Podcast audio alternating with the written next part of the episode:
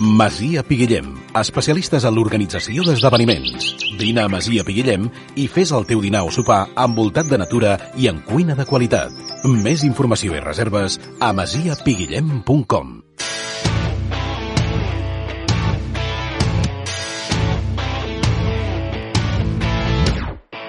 A Ràdio Lot fem el tercer temps. Amb David Planella. Què tal? Bona tarda i bon any. Avui costarà trobar una mica de llum enmig de tanta foscor. La Unió Esportiva Olot volia començar el 2023 amb una alegria, amb una victòria que trenqués una ratxa de 71 dies sense guanyar i no només no ho va aconseguir, sinó que va tornar de Badalona amb les pitjors sensacions possibles, perquè encara no ens havia passat mai de veure un Olot de Rissuenyo rendit, sense ímpetu, sense ànima, va ser excessivament tou en defensa, va concedir dos gols massa fàcils a la primera meitat i no es va aixecar. El segon, per cert, especialment preocupant. Et jugues la salvació, la vida, i et marquen el 2 a 0 perquè et treuen ràpidament un servei de banda i tu no estàs prou atent. La concentració, la intensitat, l'agressivitat esportiva no es poden negociar mai, però encara menys si estàs tan lluny de la permanència. Per sort, encara queda un partit de la primera volta i tota la segona, però per remuntar aquesta situació cal córrer i cal suar més que ningú, perquè ja hi pot haver Mànix Mandiola, Jonathan Risueño o Pep Guardiola a la banqueta. Al final, els que juguen són els jugadors i més enllà del plantejament, que no va sortir bé, ells ahir no van estar a l'altura.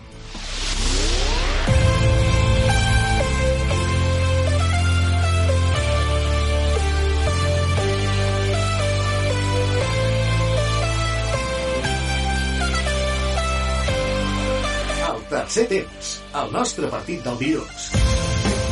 Avui és dilluns 9 de gener del 2023, l'endemà del Badalona Futur 2, Olot 0, l'endemà del primer partit de l'any que ens va deixar pitjor del que estàvem.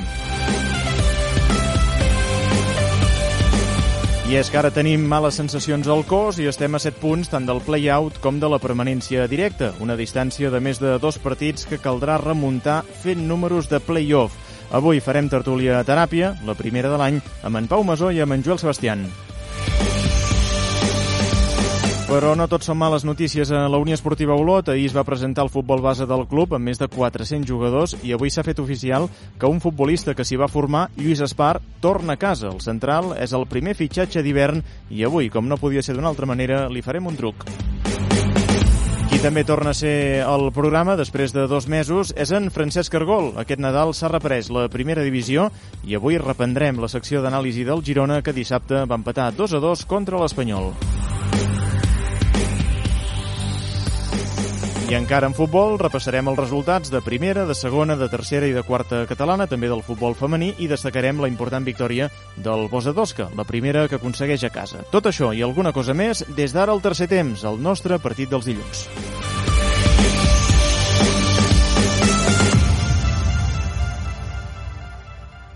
Centre Mèdic Alomar patrocina el tercer temps. Som-hi amb en Pere Farges, un any més a les vies de so. Comencem, ens posem al dia.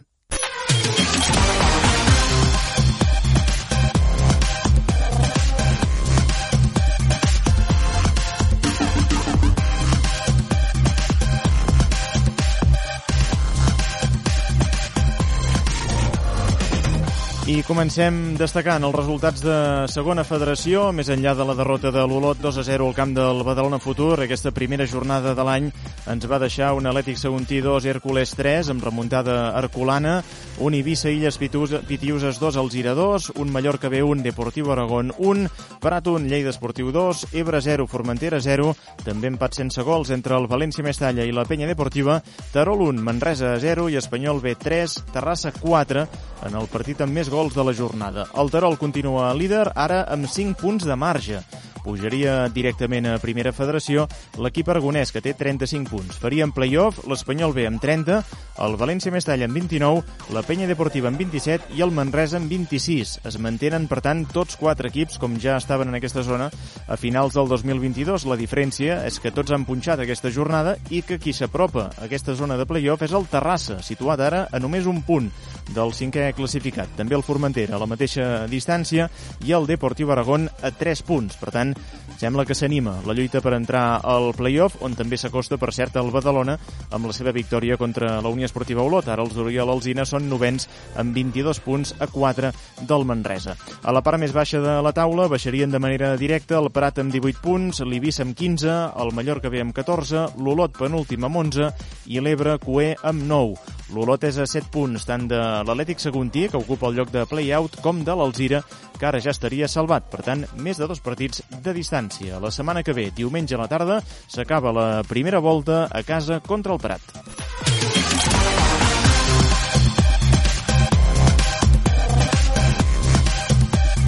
A primera catalana, bones notícies, primer partit de l'any i primera victòria a casa del Bosa Tosca, molt important per la mínima 1-0, amb gol d'Àlex Darnés al 64 contra el Mollet el rival, un rival directe de la part baixa de la taula. Aquesta victòria permet al Bosa Tosca mantenir-se en zona de salvació amb dos punts de marge sobre el penúltim classificat, que és el Bescanó.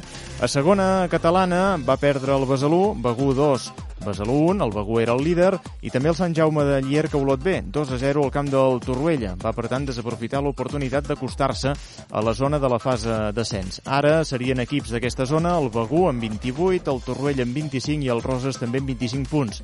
El Sant Jaume sí que amb 19, mentre que el Besalú és novè amb 13 punts. I també s'han reprès la tercera i la quarta catalana. A tercera catalana amb aquests marcadors, les Planes 1, Sant Privat 2, Atlètic Sant Pons 2, Abadesenc 0, Camp de Bànol 1, Garrotxa 0, Fornells 3, Santa Pau 1, Sant Gregori 6, Cellera 0, Cornellà 1, Camprodon 5, Fontcoberta 0, Atlètic Banyoles 2, Comacros 1, Amer 3 i les Preses 2, Sarrià de Ter 3.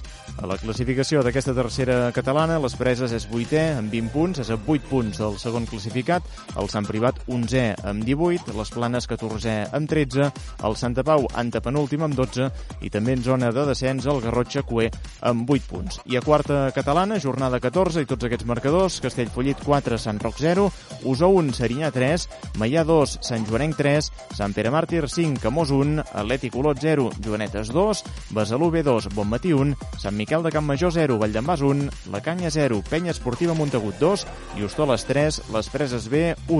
A la classificació, l'Hostoles és líder, ara pujaria de manera directa a tercera catalana amb 34 punts. El Sant Pere Màrtir el segueix amb 31, el Sant Joanenc és tercer amb 30 i el Sant Roc quart amb 29.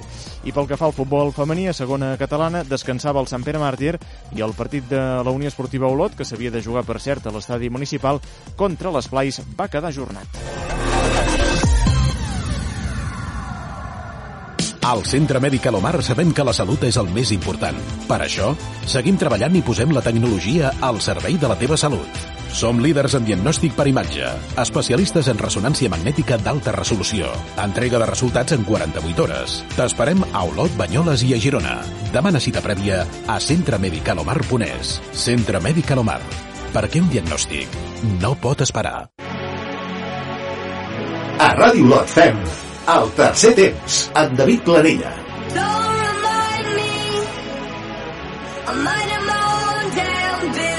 Diu arriba al vèrtex de l'àrea, prova la centrada, compta que està sol, la rematada i el gol.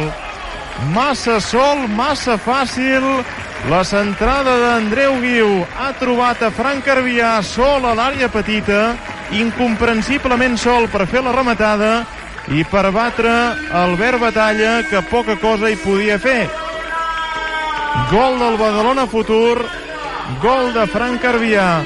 Al minut 6, gairebé 7 de la primera meitat, no pot començar pitjor el partit i el 2023 per la Unió Esportiva Olot, que una vegada més veu com se li avancen i una vegada més veu com s'haurà de remengar i com haurà de mirar de remuntar. Atenció, Peque Polo dins l'àrea davant de batalla, han servit ràpid, remata, gol. Ens ha marcat Peque. Ens ha marcat Peque Polo, han servit ràpid de banda, ens han agafat amb els pixats al ventre. I Peque Polo s'ha plantat sol davant de batalla que ha sortit però no n'ha fet prou, ha arribat a fregar la pilota, a tocar-la, però l'esfèric ha acabat al fons de la xarxa. El segon del Badalona, el marca Peque, mitja hora de joc de la primera meitat i ara sí que fa pujada, pujada, pujada, pujada al partit Gol de Peque, gol del Badalona, Badalona 2, Olot 0. El, el xiquet que està donant el, bao, el valor des de fora eh, la dona ràpid i, i crec que si jo fora l'entrenador del Badalona eh, te, le felicitaria a, al nen. Crec que ha estat eh, espectacular eh, ha enganyat als nostres jugadors i l'ha donat el valor i han sacat ràpid i ha, i ha sigut gol. Hasta ese nivell d'implicació i de, i de d'estar de, de, d'estar en el partit que estaven ells que nosaltres no, no estaven. Crec que això és una, una prova de, d'un error de concentració que jo crec que no podem eh, cometre. Jo crec que ha sigut el pitjor partit con diferència des de que jo estic a, així. Crec que la primera part mm, de llarg eh, la pitjor eh, o els pitjors minuts eh, des de que agafaren l'equip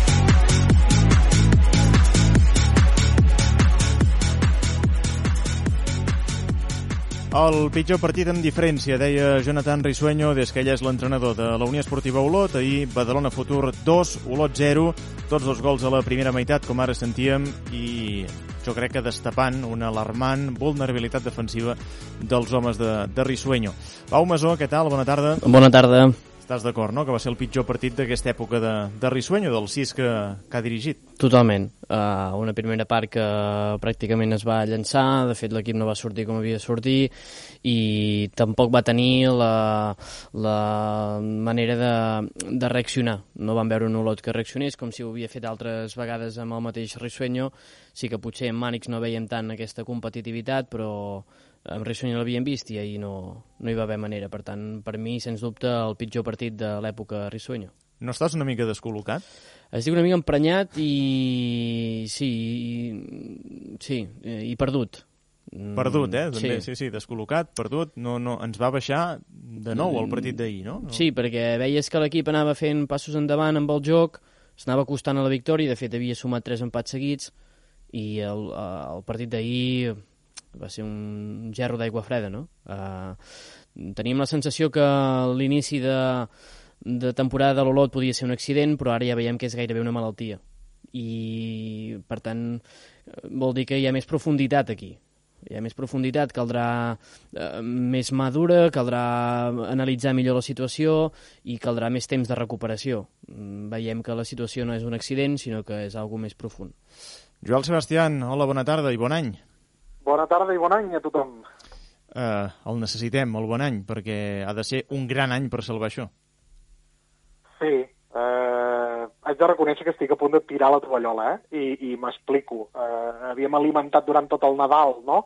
Eh, aquell final de tram d'any, eh, no amb bons resultats, perquè eren tres empats, eh, però sí amb bones sensacions, no? Veiem aquells brots verds eh, que en parlàvem eh, a l'últim programa de, del 2022, però clar, ahir, eh, de seus al sofà amb la calma d'un diumenge, s'acaben les festes, torna a la competició i al minut 6 ja ens cantes el, el gol del Badalona. A la mitja part ens en anem eh, al descans amb 2-0, eh, sense trobar arguments, explicacions, i t'enfonses. Eh, és inevitable. Eh, I ja parlant com a periodista, com a, com a seguidor, com el que em vulguis.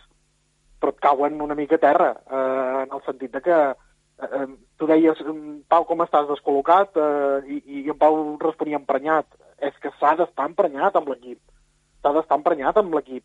No pot ser que, que, que errades de concentració condemnin en defensa l'equip. En la situació en la que estàs. És que és inexplicable. Eh, i, I estic d'acord amb en Pau el que deia, eh, que evidentment això ja no és un accident, això ja ve de lluny eh, i s'ha de fer un plantejament en profunditat de, de què es vol de l'equip eh, i ja fins i tot eh, m'atreveixo a dir eh, a llarg plaç, eh? no, no pas pensant en aquesta temporada.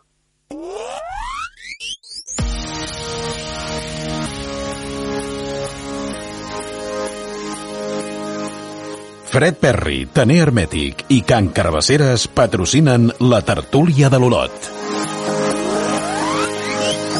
cada vegada que n'hi havia un, un centre lateral era ocasió de, de, peli, de peligro d'ells i, i crec que no, han estat molt superiors en la primera part ells i crec que en la segona hem estat ahí remant, hem tingut ahí la de Xumi per a ficar-nos en el partit, però crec que, que ells també estaven controlant el, el marcador que tenien a favor.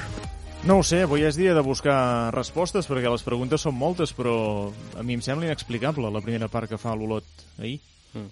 És el sentiment que comentàvem amb en Joel, eh, de, d'enfadat, de dir, i estic molt d'acord amb en Joel perquè és el que compartíem ahir també a la retransmissió, que en una situació així, així com està l'Olot no pot ser que al minut 20-30 ja anem 2 a 0 a la primera part i l'equip sortir després d'haver pogut treballar durant 15 dies aquest partit doncs sortim una actitud que no, que no correspon uh, i amb un marge de temps de treball prou, uh, prou gran com per almenys demostrar competitivitat. És que ni això. Tenim la sensació que ahir l'equip uh, no, no va ni competir, no va estar en el partit, uh, ho admet Risueño, ho, vam, ho hem escoltat ara fa un moment, que no va estar en, en, la, en el nivell que exigia el partit i que l'equip havia d'estar. Per tant, és que uh, ahir a l'equip li havia d'haver caigut un ruixat tinc el, la pi- el sensació. pitjor d'això, eh, Pau, que, que també ho comentava en David, eh, no sé si al final del partit, és que el Badalona, amb el 2-0, no patia gens ni mica No. eh, pe- pel resultat, per la victòria.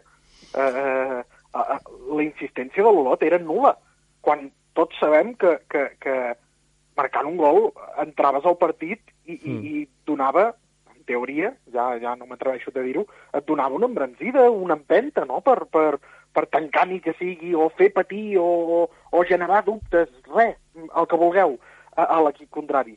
Però és que, eh, aviam, o, o, David, segur que no ens enganyaves, eh, però és que no s'intentava tampoc. Eh, eh, jo ho trobo inexplicable. Ni intentar-ho, ni intentar-ho. A la segona part, eh, i, bueno, i la primera tampoc, eh, però la segona part amb el 2 a 0 en contra, eh, no vaig haver d'aixecar la veu mm, pràcticament cap Ah. vegada. Va ser una narració mm, plana. Eh, L'única, la de Xumetre. Al minut I- 33, eh, i per Cerdà, això. no? També. I, I el xut de Cerdà, Sí.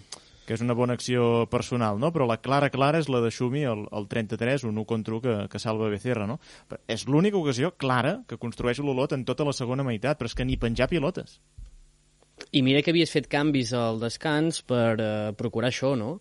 Per intentar explotar més les bandes, entrant a, Cebes, entrant a Cerdà, eh, sacsejant amb tres canvis a l'equip al descans, però és que ni així, per tant demostra que, que, ostres, que l'equip no va estar gens eh, situat, Mm, no, no, no va estar en el nivell que havia d'estar, i això és preocupant. I ahir ho dèieu, jugàvem contra un equip que havia encaixat 21 gols. El que més del grup, juntament amb el Deportivo Aragón, en, abans del partit eren els dos equips que més havien encaixat. I tu pràcticament no li fas pessigolles. No, no, és que el comentari... Eh, el equip, descans... Sí, no anava a dir el descans, ho vaig comentar ahir molt ràpid, eh? però el descans, la gent de Badalona deia, ostres, gaudim d'avui, que això no ho veiem sempre, no podem estar clar, tan tranquils que sempre. cada- Aquest comentari em va fer molt de mal, perquè, clar, eres tu, eh? Però és que cada, Eh, cada el flux. comentari que deies en aquest sentit eh, eh, a mi em desagnava. Estava a casa que no, no sabia ni, ni com posar-m'hi, David. Entre, entre aquest que vas dir al descans i el de no veig patir el Badalona en cap moment, és un... Bueno, què? Què estem fent aquí? A què juguem? No, o sigui, què fem? Eh, no sé, i, i encara esperarem que fins i tot eh, eh, l'afició acompanyi l'equip. Eh, eh, és que, clar, eh, aviam, eh, intentem evitar el resultadisme, però, però clar, és que no, no ens estan convidant a res. No ens estan convidant a res. Ja no dic ni, ni en el municipal, que s'hi ha d'anar, ara més que mai, segurament. Però, ostres, costa, eh? Costa posar-te la jaqueta i, i, i anar a passar fred a veure segons, segons què. I, i perdoneu, però, però és així. Eh, no sé, jo, jo sempre deia, mm, l'equip no té ànima. I en algun partit me feia mig callar alguna reacció, no? Eh, eh, empatar resultats eh, adversos, val. I em quedava el dubte. Però, ostres, aquí falta, falta caràcter, falta lideratge, falta pit i collons, Hmm. i més amb la situació en la que estem. Jo pensava que això ho havíem superat, eh, Joel, perquè el dia del Mallorca B et quedes eh, amb un home menys i aguantes i, i lluites, el dia de l'Eivissa et fan el primer i, i empates, I reacciones. i, té, Mm. i fas mèrits per guanyar, el dia de l'Hèrcules també reacciones al gol de, de Mitchell al, a l'últim minut de la primera part, el dia de l'Alzira es posen 2 a 0 i fas això, el 2 per a això. 1, no? Vull dir que venies d'uns partits en què podia jugar més bé o més malament, que en general s'havia jugat força bé, però reaccionaves, no? Però és que el partit d'ahir, el problema és que no se salva res. I, I això és el que a mi em deixa descol·locat i, si voleu, també emprenyat, evidentment, no? perquè has fet passos endavant i de cop i volta fas un pas enrere que gairebé tornes eh, el dia 20 de novembre quan perdies a casa amb el Deportiu Aragón. Les sensacions són aquestes ara mateix. És a dir, la feina dels últims 5 partits amb Risueño, que era aquesta, no? aixecar els ànims, millorar, eh, evidenciar aquests símptomes de millora, ara tots s'han esborrat amb Sí. la mala actuació d'ahir. Sí, sí, eh, ho comentàvem que, mm, clar, en la situació que està l'Olot, els errors i els entrebancs fan molt més mal, no? I, i fixa't que amb una victòria no cures i amb una derrota fas molts passos enrere. I aquesta és, a, és la situació complicada que es troba l'Olot i, i, i la derrota d'ahir de, davant del Badalona eh, suposa molt càstig. Però sobretot és el com, per, Mm. perquè tu pots anar a Badalona i perdre, perquè és un equip... Però mira, al cap i a la fi estem als mateixos 7 punts que estàvem abans del partit de la salvació. De la directa, sí. De la directa. De la permanència directa, sí. Però vull dir que tu pots anar a Badalona, que és un rival potent, amb jugadors mm, importants de la categoria, que estan en bona ratxa, han guanyat ara 4 dels últims 5 partits, poca broma amb la ratxa del Badalona, no? Tu pots perdre, però no d'aquesta manera. Sí, però llavors quan els companys no, es miren a la cara diuen, escolta'm, què estem fent? No? I, i, i, i, és de, i tu quan gires el cap, no? o quan el Badalona et marca el segon, gires el cap i, i, i ningú et mira, ningú et dona ànims, eh, tampoc eh, et surten de tu mateix. No? Llavors, eh, jo estic d'acord amb en Joel que falta aquí algú que algú, o, o més d'un, que digui, nois, eh, escolteu, espavilem, eh, piti collons, eh, posar-hi ganes, i qui no vulgui, mira, hi ha una finestra de mercat, i escolta'm, eh, qui no vulgui seguir, qui no ho tingui, qui no ho tingui clar, que baixi del vaixell. Però és que si no, eh, si, si, quan jo, si, si, qui no, si qui no ho té clar es queda aquí i quan ens marquen miro al costat i resulta que veig algú que està amb, els, amb el cap abaixat, mm, és que no servirà de res.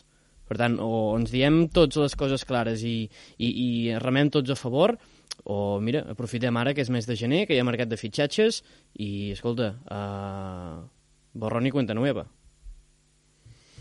Mira, eh, precisament Marc Castells feia aquest discurs ahir al final de la retransmissió. Vam poder parlar una estona amb el migcampista que ahir, diguem-ne, que va redebutar gairebé en partit oficial amb l'Olot perquè feia quatre mesos que no jugava. Va jugar a la segona meitat, va sortir al, al descans, al mig del camp i al final del partit ens deia tot això el migcampista valencià. Veníem de tres jornades, inclús el partit del Barça, molt bones sensacions. I bueno, ara pues, un, un, una nova tropessada, però ho hem parlat a dins. Eh, els únics que poden treure això som nosaltres. Eh, tenim que tirar-li caràcter, tenim que, que treballar més, podem donar molt més cadascú en, en el camp i tenim que mentalitzar-nos de- d'això. Eh, sols poden treure nosaltres, hem de mostrar que podem competir, però tenim que demostrar-ho. Tu tens caràcter, tens solidesa, tens experiència, has de ser important en aquesta segona part de temporada.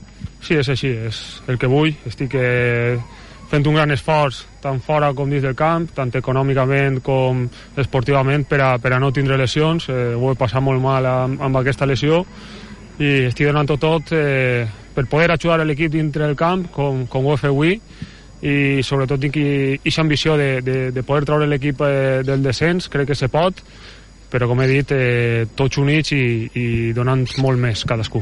Va jugar contra el Barça Atlètic, ha jugat avui la segona part, has sentit bé físicament? Sí, bones sensacions, eh, ara és anar sumant minuts, eh, contra el Barça vaig tindre molt bones sensacions, avui era xespana artificial, que, que també per al cos l'impacte és diferent i, i he tingut bones sensacions també, així que content. Ara a casa amb el Prat, importantíssim. Sí, sí, eh, ja ara són, tots els partits són importants, no, no podem deixar escapar ningú més, si no te quedes despenjat i bueno, no vull ni veure la classificació, simplement centrar-nos en el Prat i, i consensar-se que hi, ha, que hi ha que competir per a guanyar. Competir.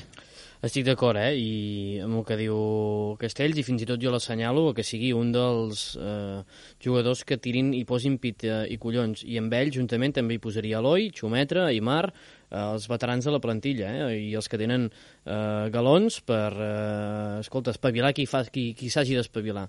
I estic d'acord que, com tu li preguntes, David, de dir, has de ser un, una persona important, sí. Uh, tant de bo les lesions li, li respectin i Castells, juntament amb, amb aquests jugadors que, altre, que hem dit, tirin això endavant, però jo crec que són ells els que han de han d'agafar el carro i el toro per les banyes. En aquest sentit del caràcter, no?, i, i, el, i això de competir, eh, el concepte competir, eh, m'agrada molt, no sé si estic obrint ara el meló massa d'hora, eh, David, eh, la incorporació que, que s'ha anunciat mm. avui, no?, de, de Lluís Espar, eh, un home també que sentirà l'escut, sentirà la samarreta mm. i que de caràcter, treball i esforç mm, em va sobrat. Eh, per tant, sí que se m'obre l'esperança, eh, ara no m'ha interpretat tampoc, eh, ho veig igual de negre, però mm, sí que el tipus de fitxatge que ha de buscar l'Olot eh, ha d'anar per l'estil Espar. Eh, ja ho sé que és complicat, eh? però serà un jugador Espar de rendiment immediat, no se li hauran d'ensenyar res de la casa, del club, de l'entorn eh, i fins i tot del joc i, i, i s'ha de buscar això, un rendiment immediat eh, a còpia de caràcter, esforç i, i, i ja si pot ser sentit de pertinença al club a, a la zona, molt millor i si no, doncs no.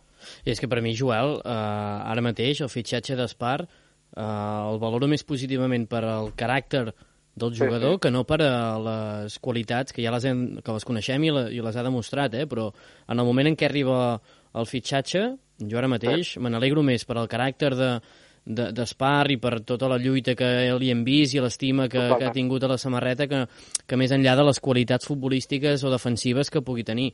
Uh, per mi Espar ha de ser un jugador clau eh, que des de darrere, a més a més, fent-se fort des de l'eix de la defensa, eh, empenyi els, els, els jugadors i sigui, eh, a més a més, amb una versió millorada d'aquell Espar que ja vèiem que era jove i que creixia no, amb l'Olot, eh, ara que sigui un Espar que ja fins i tot pot portar el braçalet de capità, per què no? Eh, crec que ha de ser un, un Blázquez no? eh, dintre del terreny de joc, eh, més pel caràcter que per les qualitats eh, futbolístiques que, que ja sabem que té. Doncs d'aquí en res, una estona el tindrem en directe Lluís Espar per preguntar-li tot això, la seva arribada a la Unió Esportiva Olot, anunciada oficialment aquest eh, matí, avançada ahir per Jonathan Rissueny, al final d'aquest Badalona 2, Olot, eh, Olot 0. Eh, deia, Joel, que ho continues veient igual de negre a la, a la classificació. Clar, són 7 punts ara de marge, no només amb la permanència directa, aquesta distància és, és la mateixa, sinó amb el play-out, no? I tots firmàvem el play-out en l'últim tercer temps aquí amb Rissuenyo just, ana, just anava a dir que el propi Risueño era el primer en, en firmar el play-out i estàs a la mateixa distància. Eh, sembla una mica de jabú el discurs, però eh, ens hem d'agafar qualsevol cosa. Eh, el Prat, proper partit, 18 punts. És la distància aquesta de 7 punts que et separen. Eh, és que, clar, oportunitats estan tinguent. Eh, els trens sembla que hagin passat, eh, n'han passat 20 per davant de la nostra cara. Per cert, no n'hem agafat cap. Eh, però, ostres, eh, algun, dic jo, que ens hi haurem de tirar, no? Eh, el tren, eh, ja no agafar-los, sinó tirar-los. Llançar-los eh, a la via gairebé, eh? Clar, és que exacte, eh, l'hem d'aturar com sigui aquest tren per, per pujar-hi, perquè mm, és que és dels últims, eh? Si no, si no l'últim. És que aquesta jornada eh, hi ha diversos empats, eh? Empat en Eivissa i Alzira, Mallorca B i Deportivo Aragón...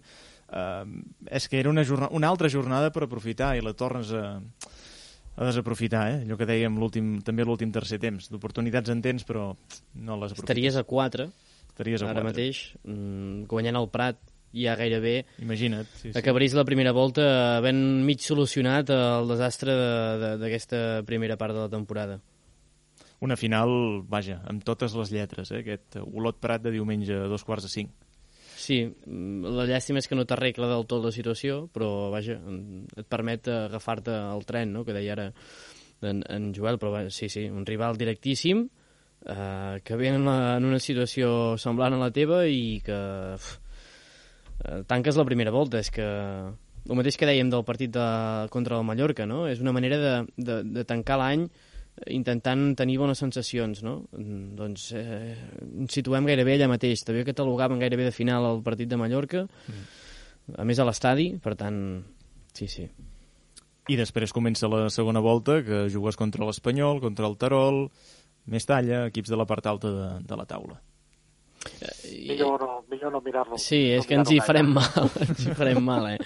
Ahir ja... millor no mirar-lo. Ahir ja en Mia Salavedra començava a fer números per Twitter, no? Uh, és perillós, eh?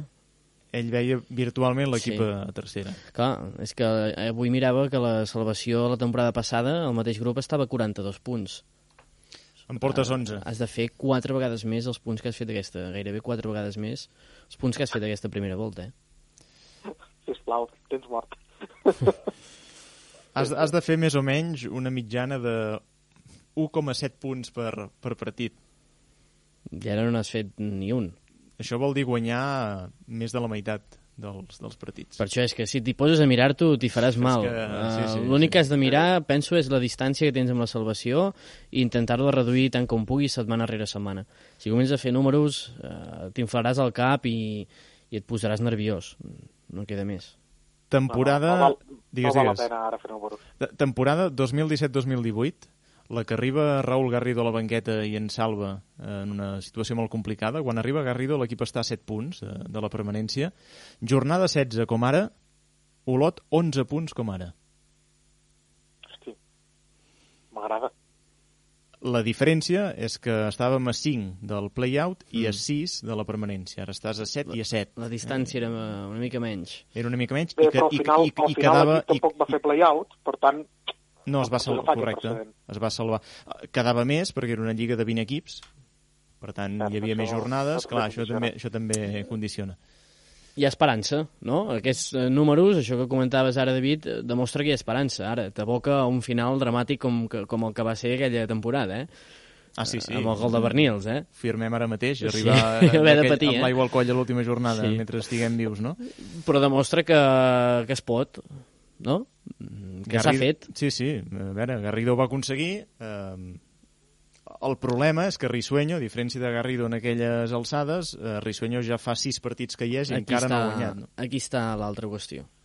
clar, l'efecte l'efecte revulsiu que s'hi va tenir Garrido, tot i que els dos primers partits no els va tirar endavant, Va empatar. eh, clar, l'efecte revulsiu amb Risueño, Sí. mm, ja podem dir, sense por equivocar-nos, que mm, S'ha no esfumat. hi ha estat. Eh, clar, No, no. És que no, no ha aparegut, perquè bàsicament no has guanyat cap partit. Tres punts de, de 18. Podem arribar a dir que, no, que s'ha començat a plantar una mica una altra idea de joc, una, un altre estil, una altra manera de, de fer, però, clar, eh, tot, tot de directiva, quan canvia un entrenador, és per capgirar ràpidament la situació, no? I, i fer aquest cop sec eh, no ha servit. Per això parlava de mm, pensar més a llarg plaç, no, no tirant la tovallola, evidentment, perquè no, no es pot fer això, eh, i queda tota la segona volta. Però eh, sí que aquests fitxatges, eh, jo no sé si en Lluís eh, eh, se li pot preguntar, eh, en cas de descens, eh, quines perspectives de futur tindria, etc. Però sí buscant uns fitxatges que, que et puguin donar eh, continuïtat de projecte eh, en cas de, de, de descens, que estem comprovant no? que, que sembla el camí que, que agafa l'equip, no? Eh, o, o així ens ho indica tot. Eh, a això em referia, eh? eh, eh, en no ara estripar un mercat d'hivern que et faci un forat econòmicament parlant, cosa que evidentment evi- evitaria la, la directiva no? que, que passés, però que, ostres, que no et faci un forat i després un, un desert, no?, eh, després de la temporada. El que passa que en principi al mercat d'hivern arribarà un davanter com a molt i ja està. Mm. Clar, clar. No... Veurem Clar, qui. Jo, jo ho deia també amb el sentit de que uh, aviam, em, eh, em va obrir la porta no, a, a gent que no volgués seguir. Eh, clar, això també és complicat, eh, que, que, que passi, però eh, em referia també més a això, eh? Sí, veurem si hi ha alguna baixa o no. Eh, també veurem què passa amb el futur, per exemple, de Carles Mas, que té la baixa indefinida, però encara forma part de... té fitxa i forma part de la plantilla de, de la Unió Esportiva Olot. De moment, qui ha arribat és Lluís Espar, i aquest fitxatge s'ha fet oficial avui mateix, per tant, Espar és el primer reforç d'hivern.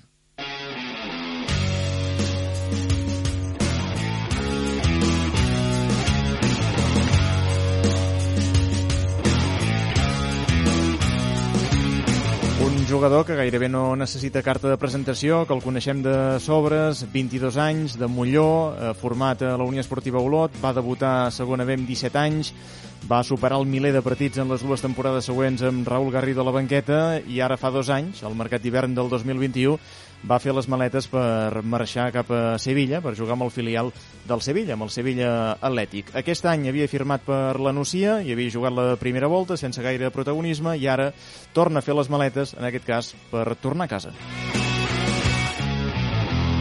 I avui el tenim en línia i estem encantats de saludar-lo. Lluís Espar, ben tornat. Què tal? Bona tarda. Bona tarda, què tal? Com estàs? Bé, pues, molt content, la veritat.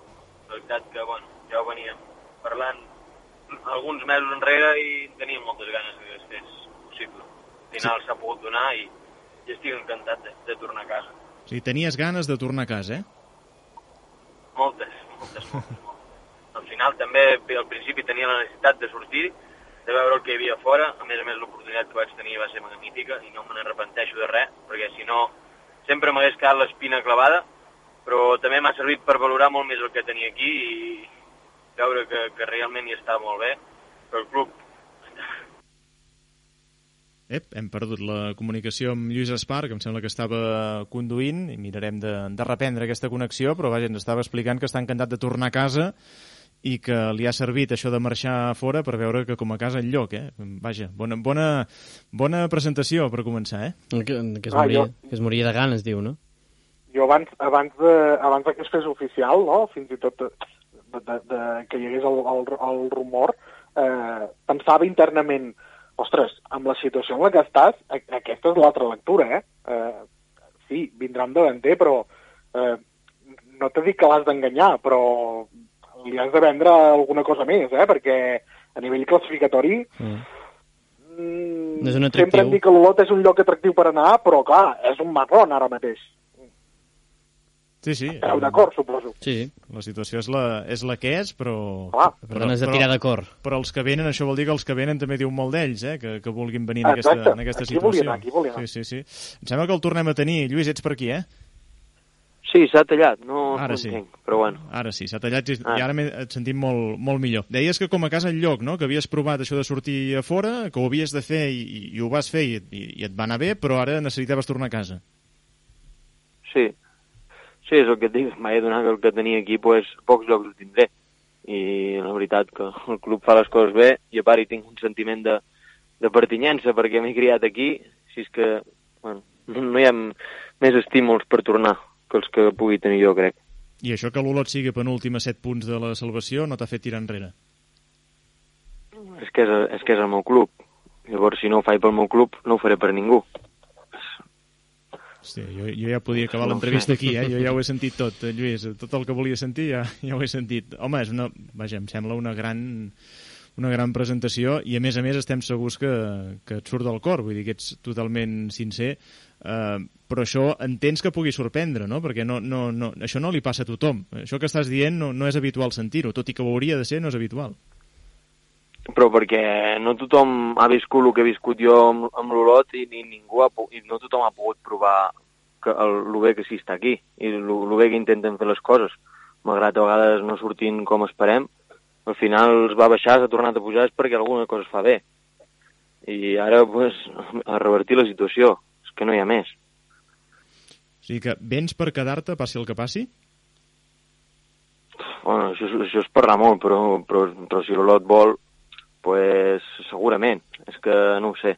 És que ja és gratitud, David. Mm -hmm. És que no és una altra cosa.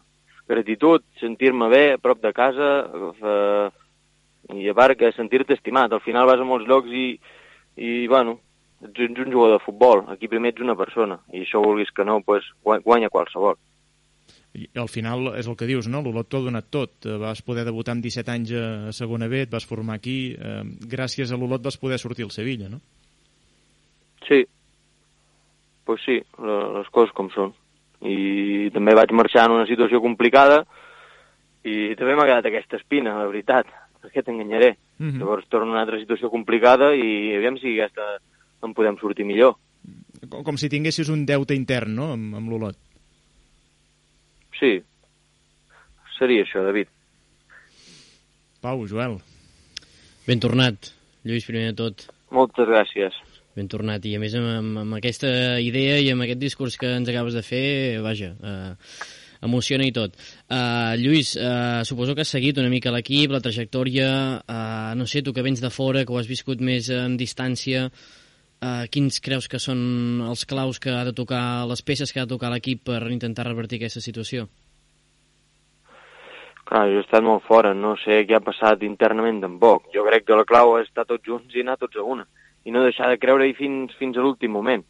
Ens va passar fa dos o tres anys quan ho vam aconseguir, és que eh, tots anàvem a una, érem un bloc, i al final pues, va ser l'últim minut, però és que vam aconseguir salvar-ho. Llavors jo crec que, que la idea és la mateixa, sobretot aconseguir una victòria que ens doni segurament una mica més de confiança i, i anar, anar, anar tots junts, que pel que he pogut veure aquest entreno que he anat avui ja almenys, pues, la força del grup és, és bastant gran aquí, com m'esperava. Eh, I abans parlàvem de, de jugadors que han de portar caràcter i, de fet, eh, valoràvem el teu fitxatge eh, també en, en l'aspecte emocional, no? Et sents també com un jugador que, que més enllà del Lluís Espar que va marxar, que era un jugador que creixia en Olot, ara tornes ja per fins i tot a portar lideratge a l'equip? Bueno, jo portaré el, el, tot el que pugui. Jo no sé si portaré lideratge o no, jo ho intentaré. Eh, passa que hi, ha, hi ha molts veterans que són el, el, els que porten això, i pel que sí que torno és un jugador molt més madur. Al final he viscut dues temporades fora, fora de casa, de casa curteixen molt més, situacions diferents també, així que jo estic disposat a portar tot el que pugui. Joel. Lluís, encantat de tornar a sentir-te. Veig, veig que no, no has tornat amb un accent eh, diferent ni res, eh, de, de allà eh, a Espanya. Um, res, bàsicament una mica la línia d'en Pau. Eh, quin vestidor t'has trobat, que ja has dit que, que amb bastanta força Unió, eh, més després de la derrota contra el Badalona, si, si ho, ho, ho veus possible, que entenc que sí, i quin ha estat el primer missatge que t'ha donat eh, Risueño? Bona, Joel, què tal? Uh, bé, el, el vestidor que m'he trobat és, és la veritat que molt unit, però és que és el que m'esperava. Jo no sé si és aquí Olot o, o, o què, que aquí la, la gent, bueno, va tots a una, hi ha molt, molt bon grup, m'ha semblat, o sigui, tothom es porta molt bé amb tothom, i el missatge de Risueño, doncs no deixar d'insistir, i el que no estigui en el barco, que, que surti, però que si tothom, que to tothom qui cregui que seguirem endavant fins al final, i és, és que és el que hem de fer. La situació, òbviament, s'ha de ser realista, és complicada, però és que no és impossible. Fins que els números no diguin el contrari, hem de persistir. Estàs físicament bé per jugar diumenge ja, Lluís? Sí, sí, m'han fitxat i estic entrenant, estic a disposició de l'entrenador. Sí, eh? Vull Llavors, dir, no, no, jo no, estic no, més... No notes que et falta rodatge, vull dir, eh? Podries entrar diumenge perfectament.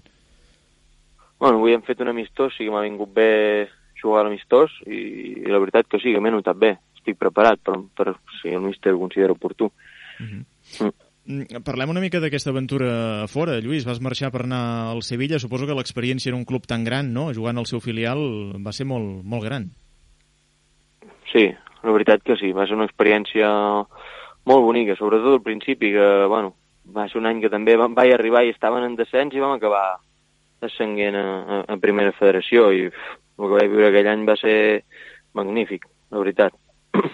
Estic molt orgullós. Un altre, un altre món, no? Una altra història. Sí, sí, molt diferent en quant a instal·lacions, eh, recursos, bàsicament recursos. Uh -huh. Després, qualitat humana i, i, i de personal, pues, bueno, no, no, tampoc hi ha massa cosa que envejar, o sigui, sobretot és a nivell de recursos.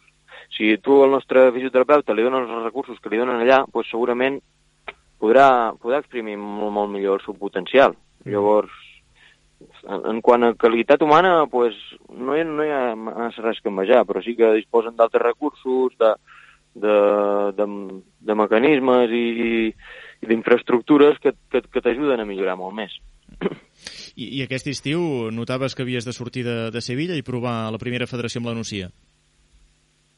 Sí, vaig veure que se m'havia tancat una etapa, l'últim mig any havia perdut una mica de protagonisme amb el canvi d'entrenador, a més a més vam baixar i jo creia que podia seguir jugant a primera federació, així que, bueno, vaig decidir fer les maletes i, i la Nucia em va convèncer amb un bon projecte, i, però al final, bueno, va, va ser, ha sigut, no ha sigut una bona aventura, la veritat, perquè vaig arribar allà, quasi bé no vaig fer pretemporada, vaig estar un mes i mig lesionat, després em va costar entrar, vaig entrar un partit i el següent ja em vaig fer unes guinces entrenant el dia següent, eh, i al final pues, ja no entrava. I quan no entres fora de casa pues, et planteges una mica què, què, què hi fas allà. Clar. O sigui, tu hi vas per, per jugar, competir, i jo estava molt bé, passa que no veia que no, no, no podria tenir el protagonisme que desitjava. Uh -huh. I a diferència de... És a dir, qu- quan vas marxar eres un jugador encara més jove que ara, ara en tens 22, tenies 20 anys, encara ets jove, eh? no t'estic dient que, que Mm. siguis gran, però suposo que en dos anys has guanyat molta experiència no? I, i, com deies, molta maduresa. Com ha arribat a canviar l'espart futbolista del, 2010, del 2021 al 2023? Bueno, doncs potenciant jo crec que les meves virtuts i, i intentant amagar els meus defectes. Segurament me, més tranquil·litat amb la pilota i igual d'intens amb les disputes. Doncs aquest és el nou Lluís Espar, que esperem començar a gaudir a partir de diumenge contra el Prat a, a casa. Pau. Lluís, jo, jo volia preguntar sobre aquesta experiència una mica si uh, moltes vegades veiem no, jugadors que surten, uh, que van creixent, anar a un filial, com deies tu, és un, una dimensió totalment diferent, Um, i, i a molts segurament els hi poden pujar els fums al cap no? uh, veure que hi ha tants recursos que fins i tot uh, et van veure tu uh, diria que entrenant amb el primer equip del Sevilla no? per tant, ostres uh, uh, vas tenir una bona trajectòria en, en el Sevilla però uh, et vas, et vas situar en un context molt professional no sé si uh, vas haver de tocar de peus a terra en algun moment de dir, ostres Lluís, uh, sigues realista uh, tot i que estic en un filial que t'ho posen tot molt fàcil sempre he de ser, no? he de ser conscient de, de qui sóc i de, i de tocar peus a terra. No sé si vas arribar a plantejar-te aquesta situació.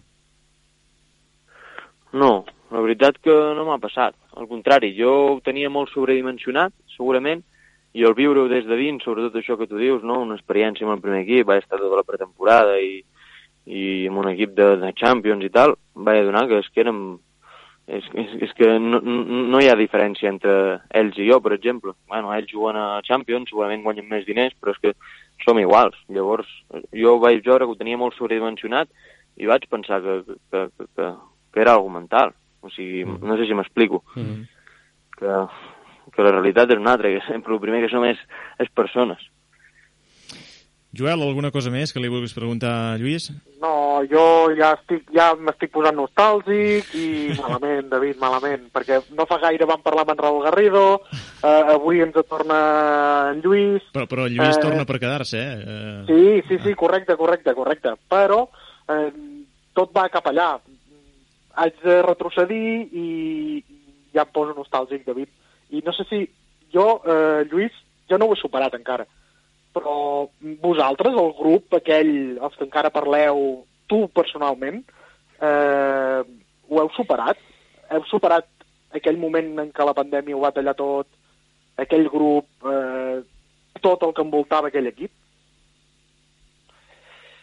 Mm, No, al final la pandèmia, bueno, el mal pitjor va ser que no es va poder acabar la temporada. Jo el que sí que he pensat després alguna vegada és que no entenc com aquell any vam descendir. És que no ho entenc, perquè vaig marxar, vaig veure altres equips, els comparava amb els nostres, ho he vist equips de primera federació, l'he comparat alguna vegada amb aquell, i, hòstia, no ho sé. He pensat, bueno, és que van baixar, sí, van baixar, però no sé com. Però al final és que no, no es pot mirar enrere tampoc. Gràcies a Déu l'any passat van aconseguir pujar i aquest any el que toca és mantenir-ho per estar al lloc on ens tocava fa dos anys. Mhm. I ja està. Satisfet, Joel? satisfet, però no ho he superat i ja està. Punto. Uh, per cert, Lluís, com és la primera federació? La primera federació, pues, molt, molt, molt, molt, molt competitiva. Molt, molt de ritme, molt intensos, no hi ha gaires espais, i qualsevol error es paga molt, molt car. Tu, tu que has jugat a segona B, eh, també, eh, Lluís, eh, hi ha un salt entre l'antiga segona Sí. B i ara, sí? Sí, una mica més. Uh -huh. Jo, jo penso que sí. Almenys des de dintre. Uh, tens menys temps per pensar. Mm. Has d'anar més ràpid, eh, els jugadors són més potents, hi ha com una mica de... Bueno, com un, com un salt més, sí. És el que dèiem, no? S'ha obert força escletja entre la primera i la segona federació, no? I aquella segona B que hi havia abans ara no hi és, perquè no és la segona federació i tampoc és la primera federació, no? Mm. Sí, sí. Bé, doncs Lluís Espar, que ve de primera federació, de jugar amb la Nucia aquesta primera volta, que s'incorpora des d'avui a la Unió Esportiva Olot i que diumenge ja podria debutar en el partit de casa contra el Prat. El necessitem, eh, Lluís Espar, perquè sigui un jugador important en aquesta segona volta i ajudi l'Olot a, a remuntar a la classificació. Lluís, el que hem dit, encantats de tornar-te a sentir, eh, ben tornat i que vagi molt bé. Bon any, gràcies. Moltes gràcies, eh? Una abraçada. Gràcies, en Lluís Espar, eh, un jugador que quan va marxar ja dèiem que tot i ser molt jove feia pinta de capità. Doncs amb el que ha dit avui només de tornar, vaja, a mi ja, ja Ja, regalem el braçalet directe, eh? directament. Titular diumenge amb el braçalet al braç, eh? I que ens, i que ens guiï. Això és el que necessitem, Sí, noi. ho hem dit, això eh? Piti collons, A- piti abans collons. de- Abans d'escoltar en Lluís Sí. ho, hem, ho hem comentat nosaltres. Sí, sí. Ha de ser això, ha de ser això. És que hi hem de posar els ànims que hi posa en Lluís i el caràcter que hi posa, que, que, que, demostra, que ha demostrat en Lluís amb, amb les primeres paraules que ha dit. Vull dir que... Jo I flipo... futbol, eh, Pau, també? I hem de posar futbol, eh, també? Sí, també, també. Però el futbol jo Tampoc crec que, però- jo crec que, que Risueño hi aporta futbol. És a dir, Sí. la, la, la, la tàctica Risueño la sap posar. Ara necessitem el caràcter. Necessitem el caràcter. Necessitem gent com en Lluís. Sí, sí. Eh, Jo, jo flipo encara amb la naturalitat, ja el coneixem, eh, Lluís Espar, però amb la naturalitat amb la que parla, la sinceritat, eh, no trobaries gaire jugadors que, que et dirien he anat a Sevilla i me n'he donat que com a casa el lloc. No? Entrenant amb un equip, de, com deia ell, de Champions en aquell moment, no? amb un primer equip. Eh, després anant a la Nucia, veient que a casa, quan les coses no van bé, hi fa molt de fred. Jo crec que això I hi fa molt el caràcter, fora, el caràcter del jugador. Eh? En Lluís el coneixem, és un jugador humil, un jugador molt Sí, de sí, casa. Vull dir, altres jugadors haguessin anat a Sevilla i haguessin perdut el cap. Ell no. I, de fet, ell, pel que diu, tot entrenar amb, amb, amb el primer equip del Sevilla, es va plantejar que eren igual que ells, que ell. Sí, sí. Vull dir, que, era un, que es va saber posar no? en una situació eh, moral, en una situació mental que va poder treballar i que va fer aquesta reflexió, no? i per tant això el va ajudar a no haver de, de tirar coloms. i que torni ara amb l'equip a 7 punts de la permanència i que et digui que això és molt parlar però que si l'Olot vol a final de temporada passi el que passi encara que l'equip baixi ell segurament es voldrà quedar ostres, eh, què voleu I que que? I que et digui que va marxar també en una situació delicada i té aquesta espineta, Mm. ja es denota també que va marxar, no contra cor, evidentment, però deixant algú darrere que, que, que, ostres, que és el seu equip, el seu club, ja, ja ho ha dit ell. Totalment, sí, sí. Un crac, en Lluís Espar, eh, avui jo crec que hem fet molt bé de tancar aquesta tertúlia amb aquesta Sí. mini Ha conversa. estat el, el psicòleg perfecte. Exacte, correcte, sí, sí. Uh, Joel, Pau, gràcies. Fins la setmana que ve. Esperem per fi poder celebrar aquesta primera victòria amb el debut d'Espar a l'equip. Tant de bo. Innegociable. Que vagi Bona bé, setmana. gràcies. Adéu. Remata la tertúlia, com sempre, en Pere Ribas. Finques Pauli us ofereix la nota de veu d'en Pere Ribas.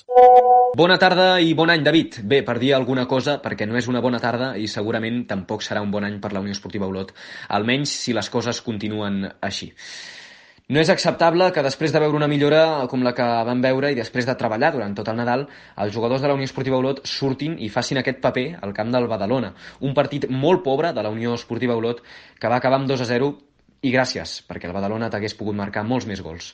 L'11 que va treure Jonathan Risueño em va sorprendre perquè eh, apostava per un 4-4-2 amb un quadrat al mig del camp, o això és el que semblava a priori, semblava que prescindia una mica de, de les bandes, després sí que és cert que Terma es va incorporar al, eh, al lateral dret i això beneficiava a nivell ofensiu a la Unió Esportiva Olot, però vaja, aquest eh, petit moviment només canviava en una cosa, i és que l'Olot, eh, quan tingués la pilota, es col·locaria amb tres centrals, Vigues eh, seria, seria un d'ells. El mateix Vigues jo crec que va ser el responsable de l'hemorràgia defensiva de la Unió Esportiva Olot, eh, a més dels centrals, però Vigues, sobretot, és qui desencadena l'1-0 del Badalona futur, perquè no guarda bé la distància amb Guiu i això permet que el jugador del Badalona se li en vagi amb molta facilitat i aconsegueixi posar una centrada que és rematada a plaer per Frank Carbià, que tampoc rep cap mena d'oposició pels centrals. I en el segon, en el segon gol, Vigues també està tou i això propicia la contra del Badalona, que acaba sent finalitzada per Peque. Um, en altres ocasions a Vigas també li guanyen la, la partida. Poso el focus en ell, però també el podria posar en els, en els centrals, que també van estar molt i molt uh, imprecisos. El Badalona va mossegar i, per sort, per sort, no va trobar la determinació de cara a porteria, perquè si no ens haguéssim pogut endur una bona golejada del, del camp del Badalona. Però vaja, un Olot molt imprecís en defensa i un Olot inoperant en atac. Així és impossible guanyar partits, eh, en aquesta categoria i en qualsevol altra. L'Olot no pot seguir així, l'actitud um, fins ara sempre havia estat uh, indiscutible, però ahir la posem en el punt de mira perquè realment els jugadors uh, a la segona part són inoperants, tant la defensa com l'atac, i després uh, jo crec que Jonathan Risueño canvia algunes coses que realment no calen. És a dir, si veiem un Olot que per bandes era polivalent, el que no pots fer és prescindir, o almenys això sembla, d'elles. A Jonathan Risueño jo el que li demano és que si té una idea que vagi a morir amb ella. Um, I és cert, eh, per mi la derrota ahir és en gran part dels, dels jugadors, però almenys ara que jugarem a casa contra el Prat, el que cal demanar-li a Jonathan Risueño és més determinació i més, uh, si ell té una idea ofensiva, que vagi a per totes, que vagi a morir amb aquesta idea ofensiva. A més, contra el Prat anirà bé perquè el conjunt Pota Blava és un equip que està rebent més gols dels, de l'habitual en aquesta temporada. Per tant, el fet de sortir amb un 11 ofensiu i d'intentar fer trontollar la defensa rival anirà bé el diumenge a casa. Però vaja, el que va passar ahir ha de ser una lliçó, la primera de l'any, i esperem que sigui l'última. Uh, això de Badalona no es pot tornar a repetir. No es pot tornar a repetir perquè l'Olot no s'ho pot permetre i no es pot tornar a repetir per respecte a l'afició, una afició que sempre ha estat al costat de l'equip i que no es mereix veure aquest espectacle. Bé, insisteixo, toca jugar contra el Prat i esperem que sí o sí arribi la primera victòria amb Jonathan Risueño a la banqueta. Un entrenador que ha millorat l'estil de joc de l'equip, però que compta, compta, perquè almenys ahir l'equip va demostrar una altra davallada. Per tant, toca tornar-nos a aixecar, sigui com sigui, i lluitar fins al final. Finques Paulí. La confiança de més de 40 anys d'experiència al vostre servei. Finques Paulí. El millor assessorament en la compra, venda o lloguer de locals, habitatges, naus, terrenys. L'equip de professionals que garantiran solucions a les vostres necessitats. Finques Paulí. A Olot, al passeig d'en Blai 31. Al 972 26 54 00 i a finquespaulí.com. Finques Paulí. La immobiliària de tota la vida. Estic fent el canvi d'armari. He de renovar molta roba. Què faig? T'espero a la porta de Fred Perry aquesta tarda. En qualsevol situació, Fred Perry. Descobreix la nova col·lecció Home i Dona a preus increïbles. Fred Perry, a l'Avinguda Reis Catòlics d'Olot cada tarda. I els dissabtes, de 10 a 2. Sempre hi ha un Fred Perry per tu. Taner Hermètic. Portes hermètiques per a indústries, hospitals, laboratoris, sales blanques i acústiques. Taner Hermètic. Des del 1921, construïm portes per a tot el món. Sempre al costat de la Unió Esportiva Olot i la seva afició. Taner Hermètic. Doors for Life. Domanen, domanen, domanen, domanen, domanen. Carbasseres. Domanen, domanen, domanen, domanen, domanen, domanen, domanen. De coques, A Can Carbasseres d'Olot. coques ensucrades, Al carrer Sant Rafel, número 5. coques de llardons. I tortells de Matafaluga. Domanen, domanen, domanen, domanen, domanen. Carbasseres.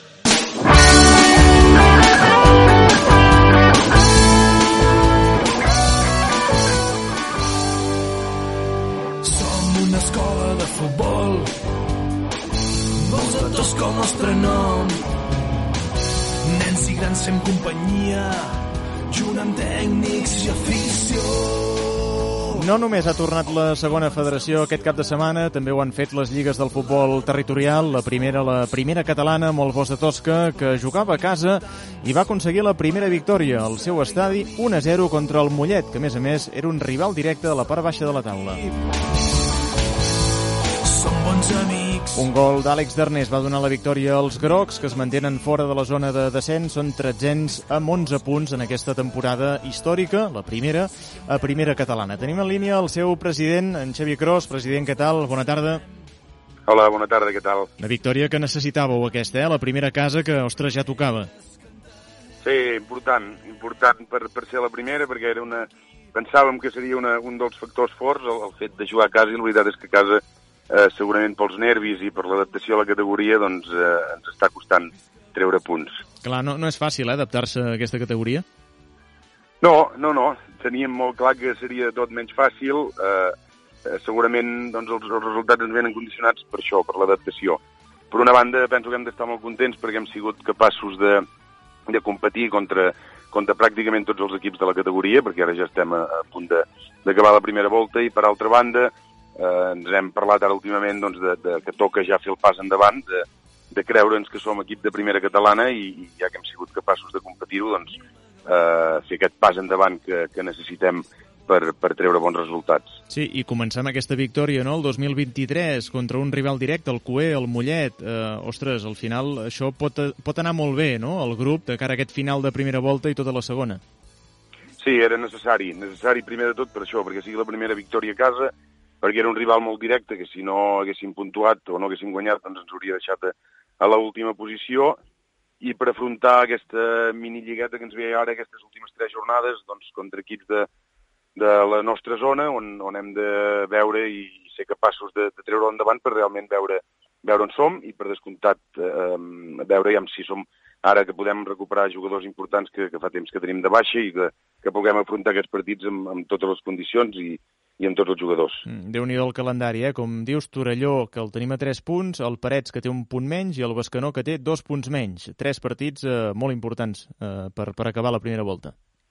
Sí, sí, sí, molt importants que ens han de dir eh, que som capaços. De totes maneres, eh, parlant que amb el dia a dia, molt contents del, del treball que s'està fent, Mm. repeteixo que teníem molt clar que seria tot eh, menys fàcil, però eh, des d'aquí agrair l'actitud de- d'en Jan, en Jordi, en Quico, com ho estan portant l'equip i les ganes i l'entusiasme que, que hi estan posant els jugadors amb tot aquest canvi del fet de que, de que hem d'entrenar més, de que ens hi hem d'involucrar més i que hem de competir contra entitats eh, amb un nom que de moment quan sortim al camp ens espanta, que això potser és el que, el que ha fet doncs, que no ens ho acabem de creure. Però sí que ens toca fer aquest pas endavant eh, perquè hem pujat a primera catalana i ens faria molta il·lusió. L'objectiu, lògicament, és quedar-nos a primera catalana. Mm, amb un projecte, a més a més, que ho comentàvem eh, fa menys d'un any aquí mateix a l'estudi, quan es va aconseguir l'ascens, no? que no és habitual, la primera catalana, un equip on els jugadors no cobren, etc etc no?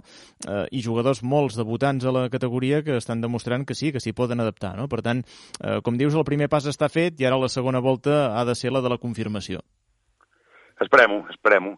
Per descomptat, i ara parlant doncs, amb aquests equips, amb, aquestes, no, amb aquests noms eh, de molts de capitals de comarca, eh, on lògicament tenen uns pressupostos eh, molt, molt, molt més elevats que nosaltres, ser capaços, perquè repeteixo, hem competit contra pràcticament tothom, poder-lo jugar de tu a tu, eh, doncs per nosaltres és eh, un luxe, un privilegi i donar les gràcies per, per descomptat a tothom qui forma part d'aquest nostre primer equip. Mm.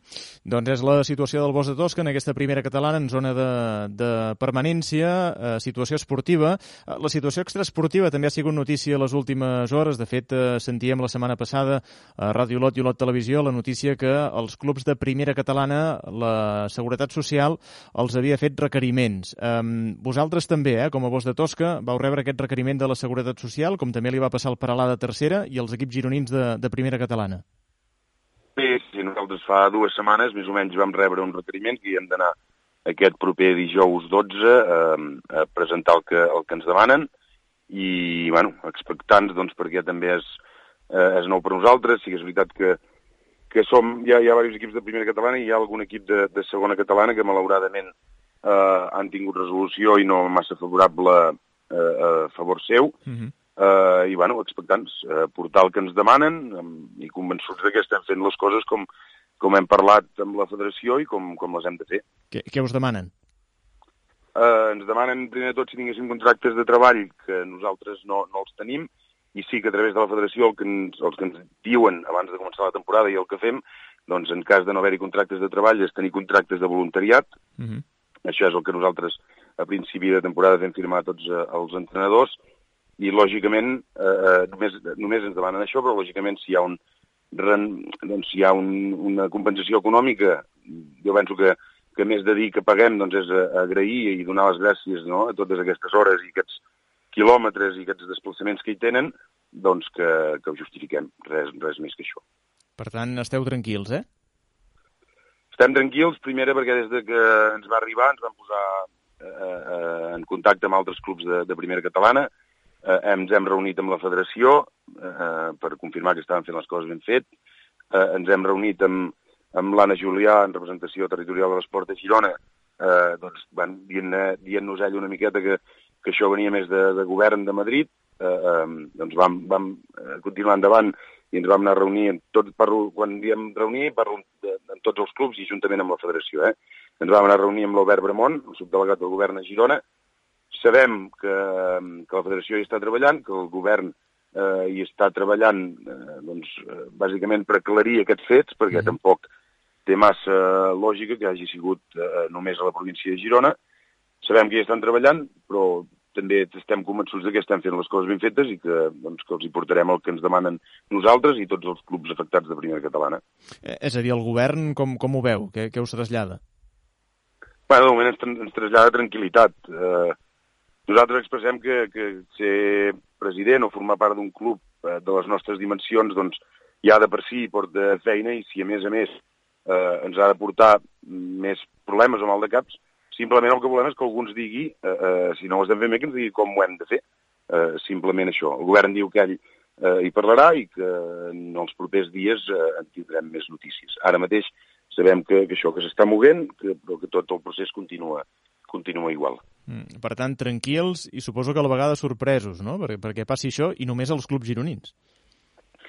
Sí, sorpresos i, i alhora això que et deia, no? una mica doncs, tot plegat perquè el que, el que provoca és que la, la gent que formem part, que sense cap mena d'ànim de lucre, doncs caigui una mica en desànim, no? Eh, les hores que, que hi dediquem, el temps que, que hi dediquem, eh, eh, doncs que llavors tinguis aquesta sensació de que, bueno, doncs, que, que t'estan com eh, mirant perquè, perquè com ho estàs fent, bueno, doncs et sobta. Però sí alhora tranquil, perquè ho estem fent, lògicament, com, com ens van dir durant aquests últims anys i, i, i ens van tornar doncs, a recalcar a principi de temporada i els hi portarem això, tots els contractes de, de voluntariat de tota la gent que tenim en, en fitxa federada.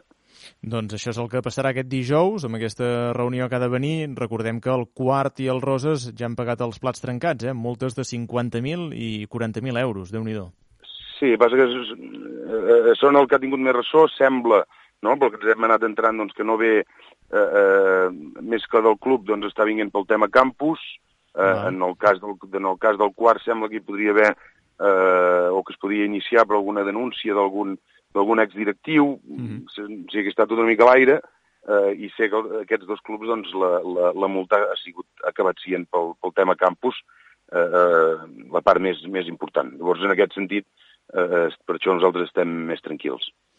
Doncs és el sentiment del Bosa Tosca. Veurem què passa a partir d'aquest eh, dijous, però tranquil·litat al club eh, presenc per poder afrontar aquesta situació extraesportiva inesperada amb la qual s'ha trobat eh, ell i la resta de clubs de, de primera catalana aquestes inspeccions de la seguretat eh, social. Xavi Gros, president del Bosa Tosca, moltíssimes gràcies i que vagi molt bé. Gràcies a vosaltres. Una abraçada. Al Centre Mèdic Alomar sabem que la salut és el més important. Per això, seguim treballant i posem la tecnologia al servei de la teva salut. Som líders en diagnòstic per imatge, especialistes en ressonància magnètica d'alta resolució, entrega de resultats en 48 hores. T'esperem a Olot, Banyoles i a Girona. Demana cita prèvia a centremedicalomar.es. Centre Mèdic Alomar. Perquè un diagnòstic no pot esperar.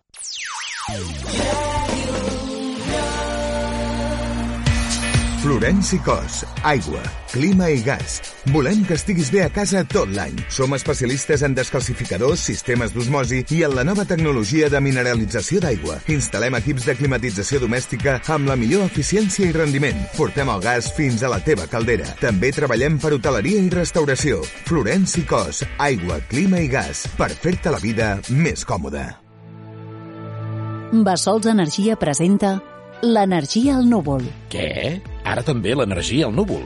Escolta, és la solució per conèixer i gestionar millor l'energia produïda amb el teu sistema fotovoltaic. Podràs compensar econòmicament la teva factura fins a cost zero. I puc guardar-la? I tant, sense data de caducitat o traspassar-la a una segona residència. Posa't en contacte amb nosaltres i t'informarem sense cap compromís. Bessols Energia, l'energia verda de casa. Necessita recanvis pel cotxe? Pneumàtics? Comparar preus? Ara al polígon industrial Pla de Politger al sector sud de Sant Jaume del Llierca tens la solució. Desballestaments La Garrotxa. Tramitem baixes de vehicles a la DGT amb certificat de destrucció. Oferim recanvis i pneumàtics d'ocasió. Ah, també obrim els dissabtes. Vols més informació? Truca al telèfon 972 28 78 36 per estalviar desballestaments La Garrotxa.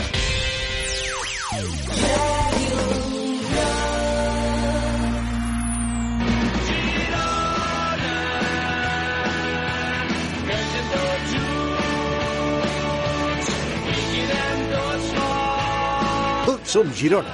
L'anàlisi de Francesc Argol. Feia dos mesos que no sentíem aquest himne del Girona aquí al tercer temps de Ràdio Lot, per tant, dos mesos sense saludar en Francesc Argol. Francesc, què tal? Bona tarda i bon any. Hola, bona tarda i bon any a tots. Eh, De fet, sí, dos mesos on hi ha hagut un Mundial pel mig, on hi ha hagut una aturada de primera divisió, on hi ha hagut eh, el Nadal, per tant, bé, eh, tornem, a, tornem a la normalitat de la Lliga. Sí, sí, han passat eh, moltes coses i ara ja en reprenem el fil per fi, recuperem rutines i, i normalitat a partir d'avui dilluns. Uh, I comencem amb un plat fort, eh? amb aquest derbi català que es va jugar dissabte al vespre a l'RCD Stadium amb l'Espanyol Girona, 2 a 2, un partit en què hi va haver de tot, moltes alternatives, i en què el Girona va acabar salvant un punt amb un gol de Yangel Herrera al final. Sí, un bon partit del Girona, que, que va fer un bon plantejament, que, que va tenir la possessió, que va dominar l'Espanyol, que, que li va plantejar un sistema amb una sortida de pilota amb 3 al darrere, un 3-2-3-2, on eh, va tenir moltes dificultats l'Espanyol per, per recuperar la pilota, no? Per tant, un, un Girona que va fer una primera part per guanyar, que de fet anava guanyant, però que, que bé, que, que en uns moments eh, dolents, amb alguna pèrdua en zona de creació i amb una jugada d'estratègia, amb un gol eh, continuat, eh, l'Espanyol va remuntar el 2-1 i el Girona després li va costar, no? Per tant, eh, una primera part molt bona, per mi l'equip de Mitchell juga bé quan té la pilota, juga, juga amb bon criteri, el plantejament que utilitza l'entrenador surt, eh, però li falta contundència. Segurament li faltarà contundència perquè en els dos eh, darrers partits ha aconseguit dos gols, però ha empatat els dos partits, dos a dos contra el Rayo i dos a dos contra, contra el Girona, contra l'Espanyol, perdó. Per tant, necessitem un Girona més contundent en defensa i, i segurament més contundent a, a l'àrea rival per el que genera, per les ocasions que crea eh, durant els partits. Sí, eh, ho deia Mitchell mateix, eh? no pot ser que haguem de fer tres gols no? per, per guanyar un partit de primera divisió, això és molt complicat, amb dos n'hi hauria d'haver prou. Eh, no sé si és fruit de, de la manera de jugar que té, ara ho deies, no? juga molt bé amb la pilota, eh, sense pateix més. És complicat ser complet en tots sentits. Sí, precisament per això doncs, eh, penso que el Girona ha de ser més agressiu en defensa, ha de ser més intens en la recuperació de pilota.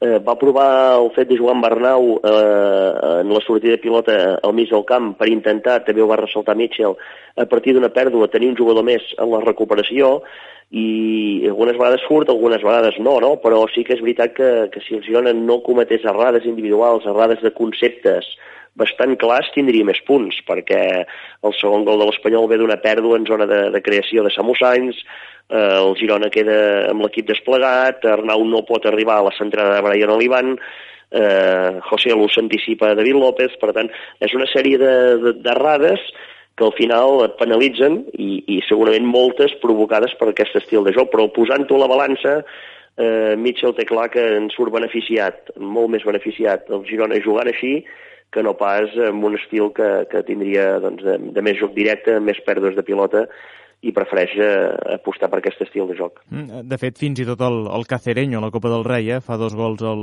al Girona. Eh, clar, són tres partits ja de 2000, eh, anava a dir 2023, no? Un de 2023, els altres dos de final de 2022, però tres després de, de l'aturada i cap victòria, tenint en compte que el Girona venia de, de fer-ho molt bé abans de l'aturada. Ha passat factura, aquesta aturada de, de dos mesos? No, penso que, que no, perquè el Girona sí que venia amb una di- dinàmica molt, molt positiva, però bé, si, si agafem els darrers sis partits no n'ha perdut cap, n'ha guanyat dos, n'ha empatat quatre. Eh, sí que és veritat que l'eliminació a la Copa doncs, et pot condicionar una mica, perquè pensaves que, que amb el Cacereño l'havies d'eliminar, però també, eh, mira, l'any que va arribar més lluny a la Copa és l'any que va baixar de primera divisió, no? Per tant, potser és millor centrar-se en, en la Lliga uh -huh. i, i, i no, perdre, no perdre oportunitats o minuts o desgast de jugadors que després a la Copa ho pots pagar, ho pots pagar car i al final eh, et costarà molt eh, passar eliminatòries. I quin calendari que ve a la Lliga, eh? Girona-Sevilla, dissabte un quart de cinc a Montilivi, el Sevilla a la part baixa de la taula però sortint-ne, el Villarreal després, allà, a l'estadi de la Ceràmica, i el Barça el 29 de gener.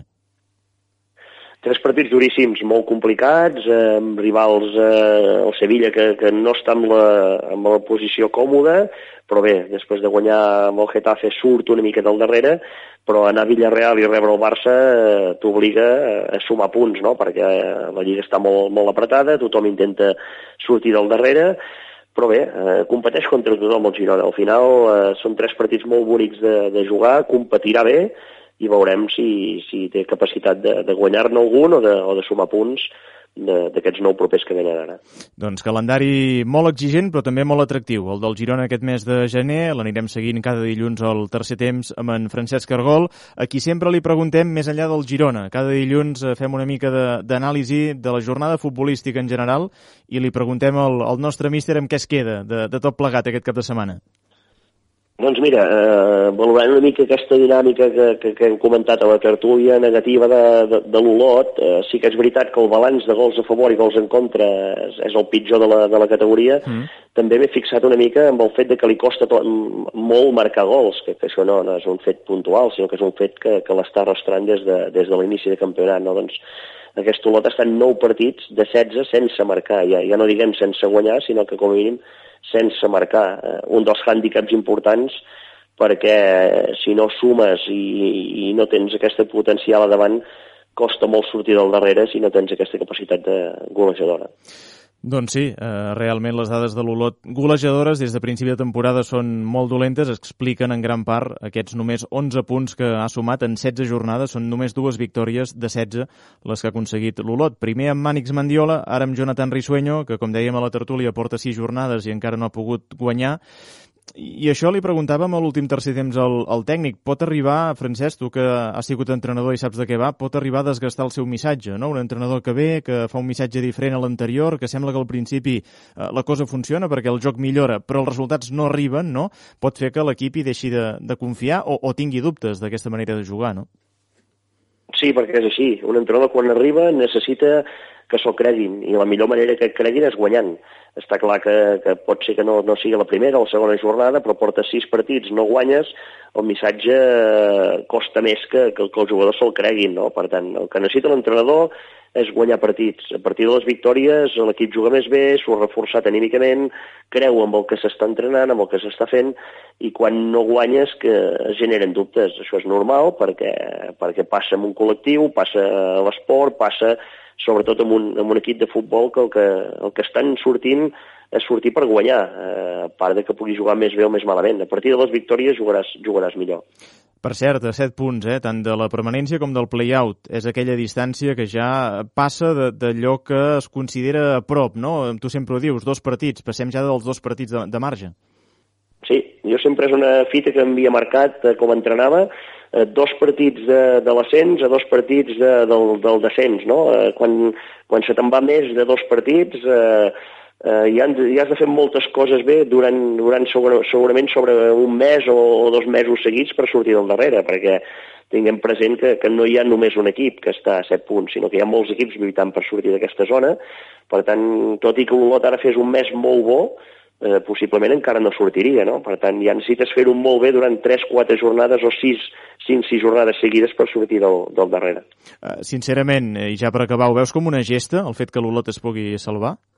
Bé, ha de fer una segona volta de, de promoció d'ascens, per tant, eh, és complicat. Eh, no, no és, no és eh, impossible, perquè tots són dinàmiques, i si l'Olot té la capacitat de guanyar dos partits seguits, no un, eh, dos partits seguits, ho veurà diferent, però si no guanya dos partits seguits, si guanyes i no tornes a guanyar, no surts del darrere. Per tant, necessites ara una dinàmica per anar bé de, de 9 punts a 12 per veure-ho diferent, de 7 punts de 9 per veure-ho diferent. Uh -huh. Si no aconsegueix això a curt termini, costarà molt, perquè després necessites fer una segona volta de, de promoció d'ascens i les voltes de promocions d'ascens no, no, normalment només la fan els, els 5 o els 6 primers de cada, de cada lliga.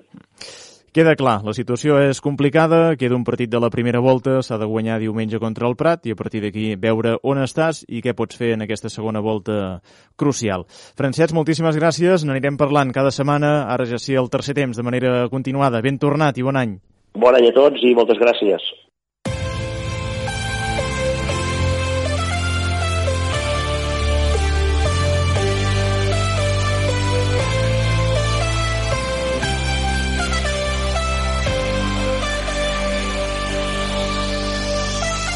Doncs amb l'anàlisi d'en Francesc Argol arribem al final d'aquest primer tercer temps del 2023 en un cap de setmana en què s'han reprès ja algunes competicions i en què també se n'han disputat d'altres d'especials, com ara la marxa nadalenca d'Olot, que un any més ha tancat les festes de Nadal a la ciutat. Va ser ahir diumenge amb sortida i arribada a la plaça Catalunya i amb victòries per Jordi Roura en categoria masculina i per Carmen Rodríguez en categoria femenina. Van completar els podis Joan Guiteres i Blai Roca per una banda i Sònia Bassas i Caral Rullant per l'altra. També aquest cap de setmana s'ha disputat el segon torneig dels volcans de bàsquet amb un èxit de participació als pavellons organitzat per l'Escola Pia de Bàsquet. Per cert, en el món del bàsquet ha destacat també el títol estatal que va aconseguir Aina Cargol, la garrotxina sub-16 de categoria cadet amb la selecció catalana. Per tant, enhorabona a una de les garrotxines que apunten més alt en el món del bàsquet. I un cap de setmana en què també s'ha disputat el primer torneig 5x5 de l'hoquei Olot d'hoquei patins. Va ser dissabte durant tot el dia al pavelló d'Esports Olot. Ho deixem aquí, parlant d'hoquei patins. Diumenge que ve tornen les transmissions de l'hoquei Lliga Plata Nord amb en Roger Gerni i l'Anna Prat al capdavant en directe diumenge al migdia des de Llars Mundet, des de Barcelona, amb el partit que enfrontarà el Barça Atlètic i l'hoquei Olot, el primer del 2023, a les 12 del migdia el partit, des de mitja hora abans a l'antena de Ràdio Olot i a la tarda futbol des de l'estadi municipal d'Olot, una autèntica final, com ja hem comentat, aquest Olot Prat a dos quarts de cinc, des de dos quarts de quatre, en directe amb tot l'equip d'esports de Ràdio Olot des de l'estadi municipal. Gràcies per la seva atenció i molt bon any. Adéu-siau.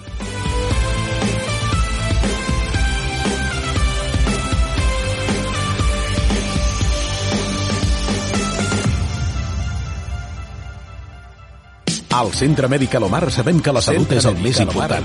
Per això, seguim treballant i posem la tecnologia al servei de la teva salut. Som líders en diagnòstic per imatge, especialistes en ressonància magnètica d'alta resolució, entrega de resultats en 48 hores. T'esperem a Olot, Banyoles i a Girona. Demana cita prèvia a centremedicalomar.es. Centre Mèdic Alomar. Perquè un diagnòstic no pot esperar.